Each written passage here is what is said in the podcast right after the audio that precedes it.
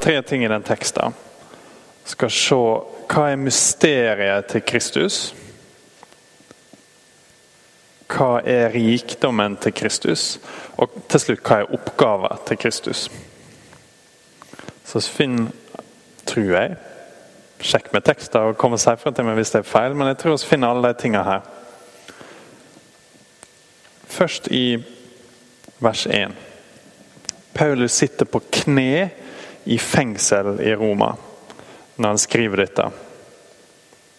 Eh, og han gjør det for vår skyld. Han gjør det for det han har lyst til å formidle til oss, hva som er mysteriet til Kristus. Så skal han se en gang til på vers 2 og utover det. Det har hørt om den forvalteroppgaven Gud i sin nåde har gjeve meg hos dykk. I ei åpenbæring ble mysteriet gjort kjent for meg, slik jeg kort har skrevet om her. Og Når det leser det opp, kan du skjønne hvor vel jeg kjenner Kristi mysterium. Ok, Så Paulus kjenner til et eller annet mysterium. Um, men hva, hva, er det egentlig? Hva, hva snakker han om? Og så vet jeg egentlig, iallfall hvis dere var her sist uke. Og han staver det ut for oss i vers 5 og 6. Det som mennesker i tidligere slektsledd ikke fikk vite om, men som nå ved Anden har blitt åpenbæra for hans hellige apostler og profeter. Så kommer det at heidningene, det er sånne som oss som ikke er jøder, eh, alle folkeslag egentlig, som ikke er av jødisk opprinnelse, at hedningene har del i den samme arven, den samme kroppen og det samme lovnaden i Kristus Jesus ved evangeliet. Det er mysteriet. Så det er ikke et mysterium nå lenger, for nå vet vi det. Nå har han fortalt det til oss. Men på den tida var dette en stor debatt. Hvordan skal folk bli kristne? Må de først bli jøder? Noen mente det, og mente det ganske hardnakka også. Men det store mysteriet til Kristus er at vi trenger ikke det. Vi må ikke inn i de gamle ordningene med visse offer for syndene våre, der kanskje en geitebukk skal dø med jevne mellomrom, eller kanskje du må ofre ei due, eller noe sånt. Alt etter hva som er skjedd. For Jesus har dødd for oss, og han er blitt det store offeret. Dette er et mysterium hvis du går lenger bak i tid i forhold til det punktet. Dette er det far, Gud far, og sønnen hans Jesus har satt opp ønsker på i en evighet. Tenk hvor de må ha kost seg med tanken på at oss skulle være her i dag. Som egentlig er så langt ned på greina, så langt ut i Periferien er kanskje feil ord, men det er ganske lang avstand fra oss, både historisk og etnisk og kulturelt. Men likevel så snakker Bibelen om at oss er blitt poda inn og kan høre til dette. Men dette visste dere egentlig fra før, for det snakka vi om sist uke. Så det er mysteriet til Kristus. Det har skjedd noe veldig stort her. Alle folkeslag, alle typer mennesker, alle personligheter også, kan høre til Kristus. Så Paulus begynner det. Han fortsetter egentlig den tanken fra sist.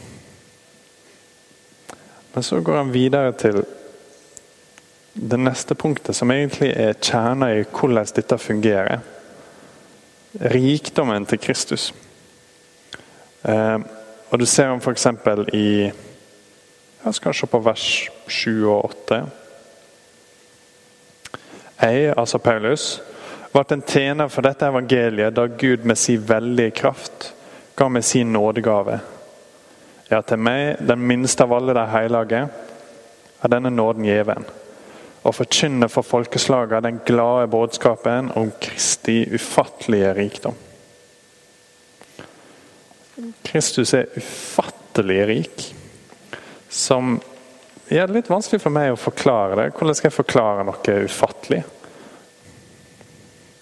Så jeg har tenkt på det denne veka. Hva kan jeg si til deg for at jeg skal se mer av Kristus sin ufattelige rikdom. For dere kjenner litt av den.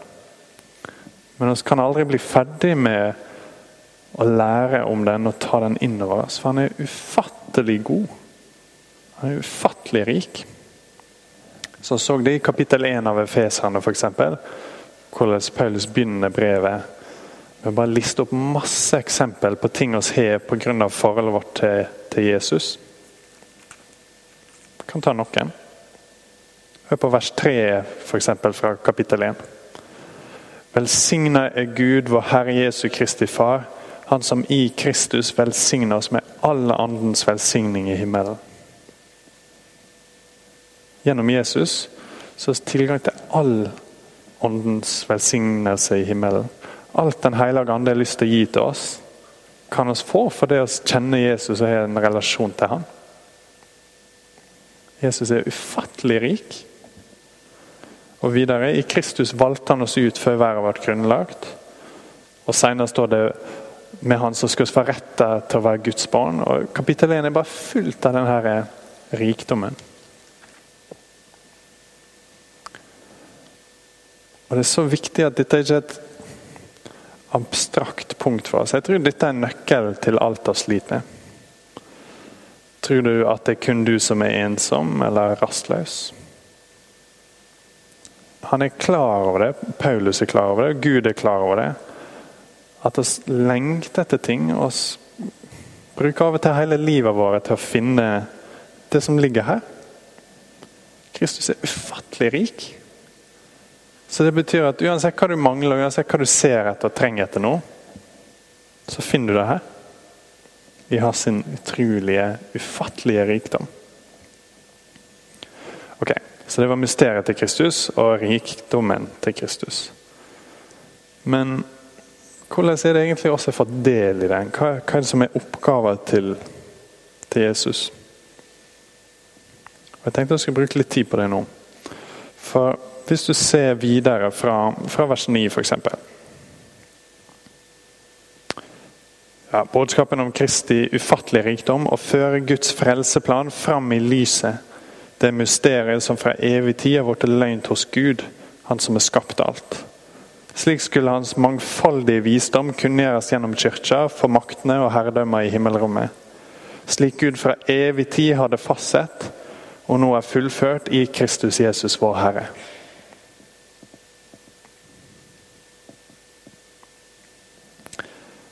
Hvis vi ser vers 10, så står det noe om Guds visdom. Det står at den er mangfoldig. Og Det er et ord som kanskje er litt vanskelig å oversette til norsk, for det betyr mange farger. Eller ikke bare litt variert, men veldig variert. Det er et ord som ikke er brukt så veldig ofte. Og Det interessante der er at det ordet er brukt om Guds visdom, og det er oss som skal vise det. Så det står slik skulle hans mangfoldige visdom kunngjøres gjennom kirka. For makten og herredømmet i himmelrommet, slik Gud fra evig tid hadde fastsett, og nå er fullført i Jesus. Så Gud har lyst til å vise hvem han er. Han har lyst til å vise både at Kristus er rik, men også at Gud er klok. At han har en visdom som er større enn oss kan fatte. Så da maler han ikke det bare med én pensel, han skriver ikke det bare med én penn. Han bruker alle mulige ting han kan for gjennom kirka å vise hvem han er. Som har en veldig direkte betydning for oss. Som kirke så kan vi aldri få til å vise Guds mangfoldige visdom hvis dere skal overlate jobben til meg. Jeg kan bare ta min lille pennestrek, liksom. Se ok, her er en del av Jesus sin visdom og Guds visdom. Den skal være mangfoldig. Den trenger deres farger. Og den trenger deres stemme og deres liv inn. For han er vis. Og når dere stoler på han i livet deres, blir det synlig. Sånn, å, Se på den gjengen der. De, de lever på en annen måte. De lever etter Guds visdom. Og nå ser oss den litt mer enn oss gjorde før pga. dem.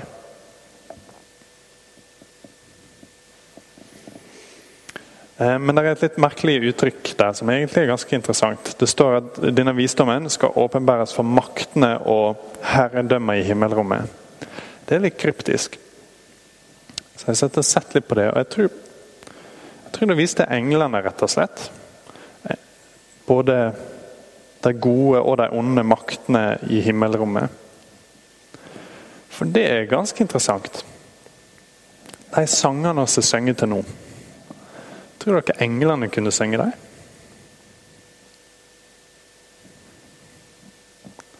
Nesten alle sangene har vært en variasjon av Takk Gud for nåden. Og tilbe deg, Gud, for det du er frelst og selv om vi ikke fortjener deg. Vet dere hvor mange engler som kan synge det? Ingen. Englene er ikke frelst av nåde.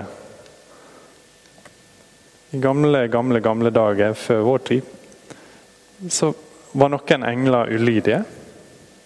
Og da kasta Gud dem ut. Så det er to grupper engler. De som er lydige, og de som er ulydige. Og bare den lydige gruppa får ha noe med Gud å gjøre. Så de er så interessert i Hvorfor i alle dager vil Gud ha noe med Simen å gjøre? Ærlig talt, har du sett for en tjafs? Hva Med min synd og med mine svakheter så vil Gud fortsatt ha noe med meg å gjøre.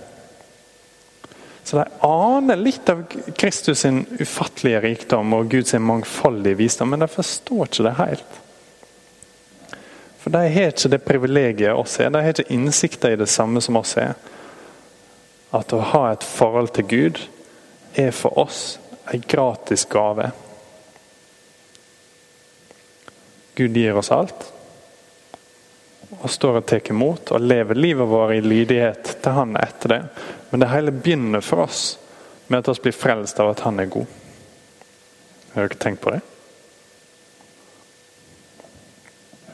Dette har Gud lyst til å vise fram. Han har lyst til å gjøre det synlig for alle og enhver, både mennesker og engler og hele universet.